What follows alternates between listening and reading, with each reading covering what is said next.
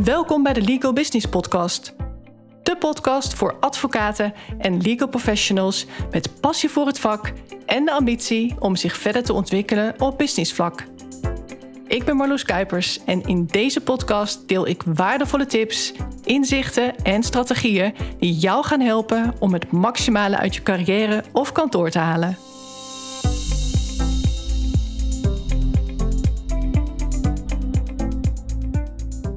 De laatste tijd heb ik het in mijn coachingsgesprekken steeds vaker over energie. Maar ook als ik als businessstratege en coach aanschuif bij partnerbijeenkomsten, heeft dat mijn aandacht. Het gaat eigenlijk vanzelf. Ik pik het onbewust op. Alles is energie. Ik zal nu niet een heel verhaal houden over kwantumfysica, mocht jou dat al wat zeggen. Hoe spiritueel of praktisch je het ook maar wilt maken, energie is belangrijk. Sterker nog, het is alles bepalend. Als je het alleen al heel praktisch bekijkt.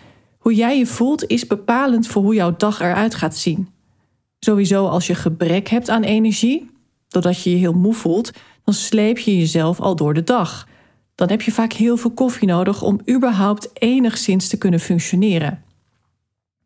Sta je ochtends nou met het verkeerde been uit bed en weet je dat niet snel te shiften, dan krijg je als je niet oppast een dag waarop alles misgaat. Een echte baaldag. Maar ga je nou iets doen waar je je goed door voelt, of dat nou lekker naar buiten gaan is voor een ochtendwandeling, dat doe ik vaak, of even tijd voor jezelf te nemen door naar buiten te staren met een kop koffie, even mediteren of juist meteen gaan sporten, of wellicht word je vrolijk van het ochtendnieuws. Dat lijkt me sterk, alhoewel het er natuurlijk ook voor kan zorgen dat je gaat relativeren. Dan denk je, dacht ik dat ik al een rotdag had. En dan kijk je naar het nieuws en dan zie je dat andere mensen het pas echt zwaar hebben vandaag. Grote kans dat je jezelf weer bij elkaar raapt en met positievere energie aan de dag begint. Je hebt dan jouw energie geshift. Een positieve energie hebben is niet alleen prettig voor jezelf, voor hoe jij je voelt, maar ook voor anderen. Denk aan charismatische leiders. Dat zijn toch persoonlijkheden met een bepaalde aantrekkingskracht. Ze hebben iets, en dat is dan een bepaalde energie, die heel aantrekkelijk is voor andere mensen. Het maakt dat mensen graag bij zo iemand in de buurt zijn. Mensen spiegelen gedrag ook vaak. Een energieke, positieve leider die creëert vaak ook meer energie en enthousiasme binnen het team. Daarom zijn bedrijven slechts zo sterk en succesvol als de ondernemer zelf. Zwak leiderschap leidt zelden tot een sterke organisatie, zeg maar nooit. Krachtig leiderschap daarentegen maakt dat bedrijven, en dat geldt ook voor advocatenkantoren en voor andere juridische organisaties, tot grote hoogte kunnen stijgen.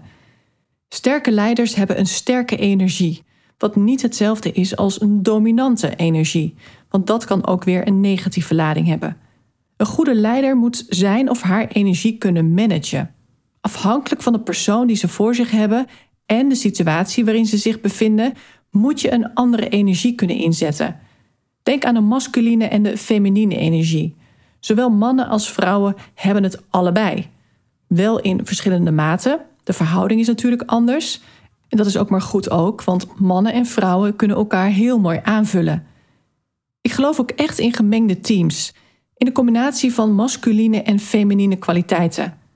Mannen en vrouwen samen aan de top. Samen de koers bepalen. Samen plannen maken en ook samen plannen realiseren. En daarmee dromen waarmaken. Samen grote successen boeken. Je ziet wel eens gebeuren dat vrouwen in bepaalde posities, of juist strevend naar een bepaalde positie, dat zij proberen om meer als een man te zijn. Hun vrouwelijke kwaliteiten parkeren ze dan en ze proberen meer te doen, meer te laten zien van wat zij denken dat bij die begeerde rol past. En vaak zijn dat de meer masculine eigenschappen. Terwijl het omgekeerde juist waar is. Het is allereerst enorm vermoeiend voor de vrouw in kwestie. Jezelf anders voordoen dan je bent. Je echte kwaliteiten niet inzetten, maar juist verstoppen. Hoe zonde is dat? Voorbijgaan aan jouw kernwaarden, want dat doe je dan waarschijnlijk ook. Kernwaarden als authenticiteit, eerlijkheid, openheid, waardering, noem maar op, die allemaal opzij zetten. Wat opvalt is dat de maatschappij en de beroepsbevolking feminiseren. Dat komt vooral doordat de nieuwe generatie andere waarheden en andere wensen heeft. En daardoor vraagt deze huidige tijd ook om Een nieuwe leiderschapsstijl. Een leiderschapsstijl die gekenmerkt wordt door een balans tussen die masculine en feminine kwaliteiten. Ze zijn allebei nodig.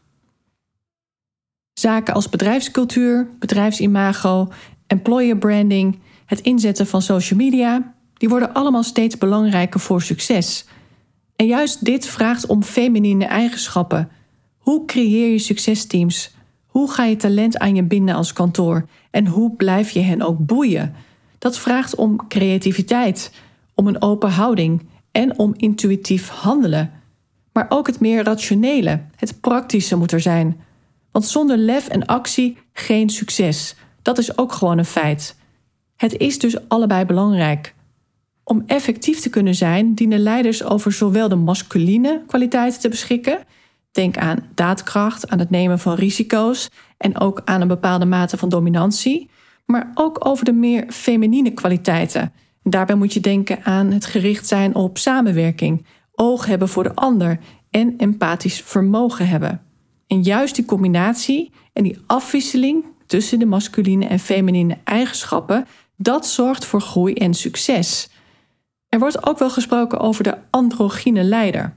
Iemand die masculien en feminien is. Dit type leider heeft een sterke persoonlijkheid, is krachtig, maar tegelijkertijd ook warm, invoelend en ondersteunend. Over het algemeen zou je kunnen zeggen dat masculien leiderschap wat meer directief is en feminien leiderschap wat meer verbindend. Waarbij je die twee wel weer los moet zien van iemands seksen. Het zou mooi zijn als die termen er eigenlijk helemaal van afgaan en er gewoon een nieuwe vorm van leiderschap ontstaat, die simpelweg zorgt voor maximaal resultaat op de meest prettige manier. Een vorm van leiderschap die mensen in beweging zet, motiveert en beloont. En dan hebben we het over beloning in de vorm van waardering. Op die manier creëer je eigenlijk een zelfstandig functionerend systeem. Want als iemand zich gewaardeerd voelt, dan is iemand ook gemotiveerd en daardoor weer meer geneigd om actie te ondernemen. En dat actiegerichte dat zorgt weer voor resultaat. Tot zover het nieuwe leiderschap. Waarbij duidelijk mag zijn dat masculine en feminine eigenschappen heel veel te maken hebben met energie. Vanuit welke energie wordt er gehandeld? Dat heeft effect op hele organisaties, maar ook op kleinere schaal. Denk aan bepaalde praktijkgroepen hoe is de praktijkgroepcoördinator? Wat krijgt hij of zij wel of juist niet voor elkaar? Wat is de invloed van zijn of haar energie op het gehele team? Ik kan zelf nog wel een voorbeeld herinneren van toen ik nog advocaat-stagiaire was. Ik werkte toen ook voor iemand die altijd met een hele hoge energie binnenkwam lopen. En dat bedoel ik letterlijk. Die persoon kwam met een soort driftige tred aanlopen om dan vervolgens plotseling zwijgend stil te staan in de deurpost. Maar die energie, die denderde dan voor mijn gevoel wel mijn kamer binnen. Ook al stond die persoon nog niet in mijn kamer. En die non-verbale communicatie, die gaf dan toch een onrustig gevoel. Zo van, ja, wat is er? En dan was het niks bijzonders. Terwijl het effect op mij bijna hetzelfde zou zijn geweest wanneer diegene woest binnen zou zijn komen lopen. Vergelijk het met het denkbeeldige gevoel van een hyena die aankomt rennen, die dan plotseling vol in de ankers gaat dan zou je ook denken: oké, wat is nou de bedoeling? Ga je mij nou nog aanvallen of niet? Het is gewoon verwarrend. En dat kost allemaal energie. Dat denkproces. Wat wil iemand nou? Dat zie je ook in besprekingen gebeuren. Als er twee compleet verschillende persoonlijkheden zitten, dan matcht het niet. Maar erger nog, als er twee mensen in dezelfde ruimte zitten met een hele sterke masculine energie, dan gaat het vaak botsen. De houding van twee zilverruggen tegenover elkaar. Dat wordt vechten. Dat is in de natuur bij de gorilla's het geval, maar bij partners in een maatschap of partnergroep niet anders. En ik noem heel bewust dit voorbeeld, want ruzie of laten we zeggen spanningen in de partnergroep zijn heel gebruikelijk. Ik kom het heel vaak tegen. Maar het is niet nodig. Het hoeft niet zo te blijven.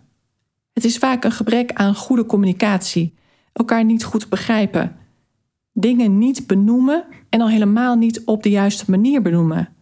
Er worden meer aannames gedaan dan goede vragen gesteld. Dus als aan mij wordt gevraagd om de samenwerking in de partnergroep te verbeteren, dan speelt energie ook een hele belangrijke rol. Ik weet vaak al zonder dat ze het mij zeggen wie met wie botst. En het is zo zonde dat door gedoe in de maatschap het hele kantoor benadeeld wordt. Want dat is wel wat er gebeurt, ook al staan ze daar niet bij stil. Gedoe in de top straalt af naar beneden. Het straalt af op het gehele kantoor. Het heeft effect op de werkvloer. En ja, je hoorde mij zeggen dat straalt af naar beneden. Er zijn mensen die vinden dat er geen toplaag is, of zou moeten zijn, of zou mogen zijn. Maar ik vind een bepaalde mate van hiërarchie eigenlijk heel gezond. Want iemand moet toch eindverantwoordelijk zijn. Iemand moet uiteindelijk een beslissing nemen en daar de gevolgen voor dragen. Hierarchie is niet alleen maar macht, maar vraagt ook om lef, daadkracht en dus verantwoordelijkheid. En dat past niet bij iedereen. De juiste mensen moeten daarom aan het roer staan van een organisatie. Dat is in het belang van iedereen. Dat is hoe ik het zie. Nou kan ik meteen even ingaan op advocaten die per se partner willen worden, maar die daar dus niet geschikt voor zijn. Ik herinner me nog wel wat vrouwelijke senior advocaten waarvan bekend was dat ze heel graag partner wilden worden, maar ze hadden daar niet de capaciteiten voor. Dat geldt ook voor bepaalde mannen uiteraard, maar ook voor bepaalde vrouwen. En het lijkt wel alsof je dat niet meer mag zeggen tegenwoordig. Maar het gaat niet om het geslacht, maar om geschiktheid voor de functie. Zo simpel is het. Als je als vrouw overgevoelig bent, en ja, mannen hebben daar nou eenmaal minder last van, of heel snel hysterisch wordt en gaat huilen, ja, dan moet je misschien geen partner worden. En nu zullen er misschien wel wat vrouwen over mij heen gaan vallen, zo van hoezo mag je geen emoties tonen? Maar dat is niet wat ik zeg. Maar ik vind emoties tonen wat anders dan niet in staat zijn om dingen te benoemen en het alleen maar op een janken te zetten. En ook dat dit dan een patroon is, hè? niet een eenmalig iets. En datzelfde geldt voor moeten schreeuwen in plaats van op een volwassen en beschaafde manier je punt maken. Of je punt juist niet maken, maar altijd weglopen om zo confrontaties uit de weg te gaan. Dat maakt je ook ongeschikt voor het partnerschap. Er zijn vrouwen geschikt voor het partnerschap en er zijn vrouwen ongeschikt voor het partnerschap. En exact hetzelfde geldt voor mannen. Ik ken ook mannen die partner zijn geworden terwijl iedereen vindt dat die persoon de kwaliteiten niet heeft. Maar ja, soms is het systeem binnen kantoor wel zo dat iemand met heel hard werken een bepaalde functie verdient. Maar dat is wel verkeerd beleid. Het dient het kantoor namelijk niet. Want wat krijg je dan? Mensen gaan weg. Goede mensen gaan weg. Daar kun je de donder op zeggen. Als hij partner wordt, ben ik weg. Of sinds zij partner is, herken ik haar niet meer. En dan gaan goede mensen ook echt weg. Dus je komt er als kantoor simpelweg niet mee weg als je de verkeerde mensen op invloedrijke posities zet. Iemand die geen goede leider is of die niet in een partnergroep past, kan de hele boel ontwrichten. Die kan de hele sfeer, dus de energie veranderen. De meest praktische oplossing is dan om senior advocaten al vroeg te screenen op partnerpotentie. Willen ze het? Maar vervolgens ook kijken naar kunnen ze het ook? En neem hen dan zo vroeg mogelijk mee in een partnertraject. Ik ben wel een voorstander van een early stage traject. Noem het een senior traject. Laat goede advocaten met partnerambitie zo vroeg mogelijk kennis maken met het hele scala aan facetten. Waar moet een partner nou aan voldoen? Wat wordt er verlangd? Niet alleen qua praktijkopbouw en omzet, maar ook qua managementtaken, leiderschap, commerciële skills, opleidingsskills. In zo'n vroeg stadium staat er nog geen druk op. Voor beide partijen niet. Het is een soort kennismaking, een aftastfase. Maar advocaten gaan dan wel ervaren wat er voor nodig is, wat ze nog te leren hebben en ook of ze het eigenlijk wel willen. Vaak is namelijk helemaal niet zo duidelijk wat ze gaan doen, wat er van hen verlangd wordt als partner. Neem nou een advocaat die coachte, die werkzaam is bij een groot kantoor, die zei: Ja, ik weet eigenlijk niet wat ik nou moet doen om partner te worden. Die persoon had ernaar gevraagd intern en toen werd er gezegd: Ja, nog harder werken. Maar ja, wat moet iemand daar nou mee? Geef dus concrete handvatten als kantoor. Is het een bepaald omzettarget halen? Is het een eigen praktijk opbouwen? Is het junior advocaten aansturen, presentaties geven, publiceren? Wat wordt er concreet van iemand verwacht? Nog even helemaal los van de vraag of één iemand dat allemaal wel moet kunnen. Misschien is het wel veel slimmer om die taken juist te verdelen. En medewerkers, waaronder ook partners, juist vooral te laten doen wat hen goed ligt en waar ze bovengemiddeld goed in zijn. Soms is er op natuurlijke wijze eigenlijk al een hele mooie taakverdeling te maken. Sommige mensen hebben nou eenmaal van nature partnerpotentie en iedereen heeft dat al heel snel door. Dat is niet alleen omdat ze juridisch inhoudelijk zo goed zijn, maar het is veel meer iemands presence, iemands energie. Wat straalt iemand uit? Iemand met natuurlijk leiderschap, een bepaald charisma, een sterke persoonlijkheid en people skills. Als dat type advocaat partner wordt, dan gaat het die persoon vaak vrij moeiteloos af. Althans in vergelijking met sommige anderen. Bepaalde mensen hebben altijd meer draagvlak dan een ander. Naar sommige mensen wordt altijd sneller geluisterd dan naar anderen. Ideeën worden van de een sneller opgepikt en uitgevoerd dan van een ander. Het zijn leiders die zowel respect afdwingen als likable zijn. Ze weten anderen te motiveren en successen te delen. Ze zijn niet krampachtig bezig om succesvol te worden, maar worden op natuurlijke wijze succesvol. Door hun prettige energie en daarmee hun aanwezigheid voelen anderen zich bij hen op hun gemak. Successen behaal je nooit alleen, ook niet als partner. Denk alleen al aan wat je zou zijn zonder een proactieve secretaresse, zonder team. Je zou geen grote zaken aan kunnen. Je zou niet efficiënt kunnen werken. Je zou niet alleen datgene kunnen doen wat echt jouw expertise betreft, niet echt jouw ding kunnen doen. Je zou minder focus hebben, minder ontzorgd worden en ook minder werkplezier ervaren. Partners met stress vanwege hun eigen situatie, de functie voelt bijvoorbeeld zwaar, of vanwege stress door anderen, de samenwerking met anderen gaat stroef. Zij zouden moeten werken aan hun energie. Wat stralen ze uit? Hoe komen ze over op anderen? Wellicht zijn ze onzeker, maar komen ze juist heel arrogant over. De bullebak van kantoor is niet altijd een hork, maar wellicht juist angstig, bang om zijn positie te verliezen, bang om de controle te verliezen.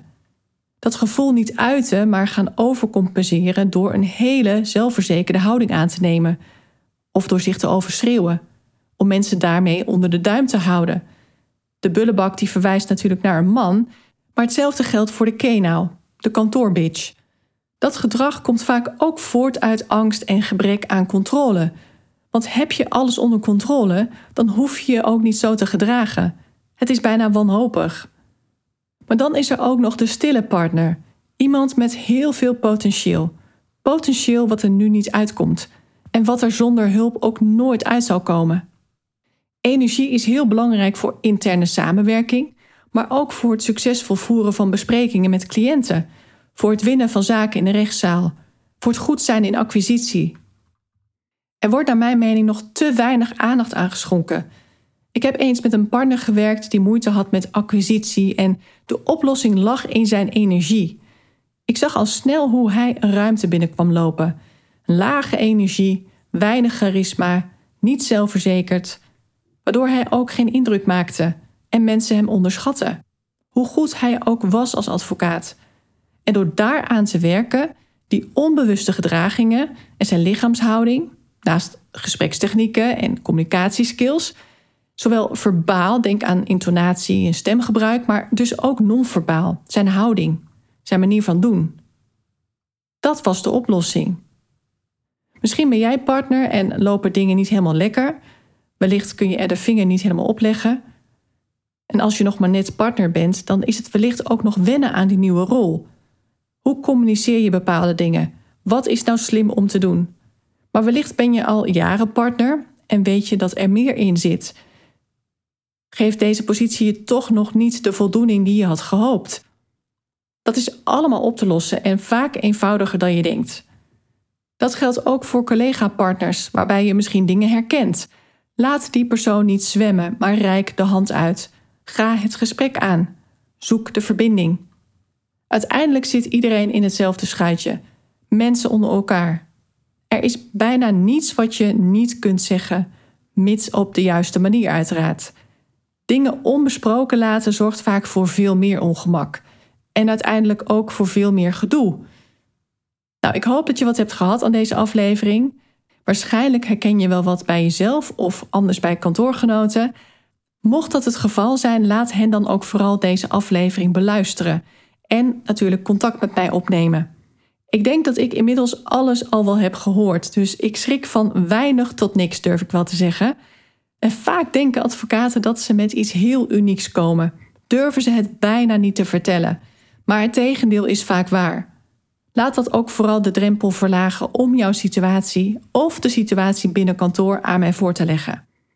Iets anders wat interessant voor je zou kunnen zijn, dat is dat je de komende maanden een meesterschapsdag met mij kunt boeken. Dat is een live één op één coachings- of strategiedag, net wat je nodig hebt, op een mooie locatie.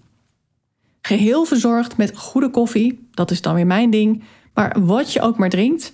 Ik heb eens met een advocaat-ondernemer Pornstar Martinis gedronken. Dat is geen grapje, er zit wel een verhaal aan vast. Maar je krijgt ook een heerlijke lunch. Je komt met andere woorden niks tekort.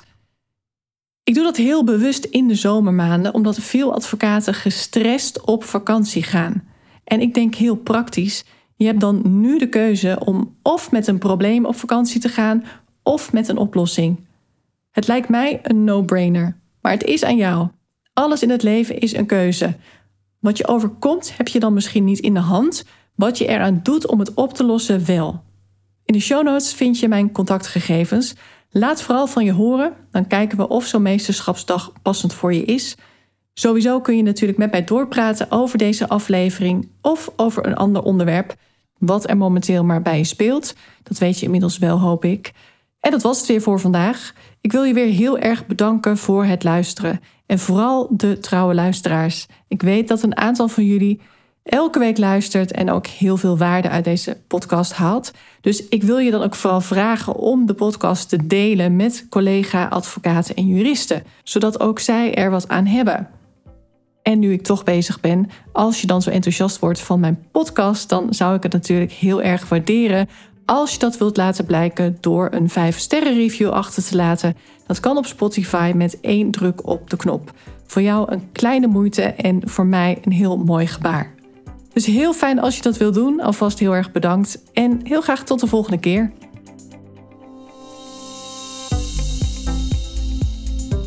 Dankjewel voor het luisteren. Mocht je deze podcast waardevol vinden, abonneer je dan of volg mijn podcast zodat je geen aflevering hoeft te missen. En deel hem ook vooral in je netwerk. Ook zou je mij een groot plezier doen met een 5-sterren review die je kunt achterlaten op iTunes.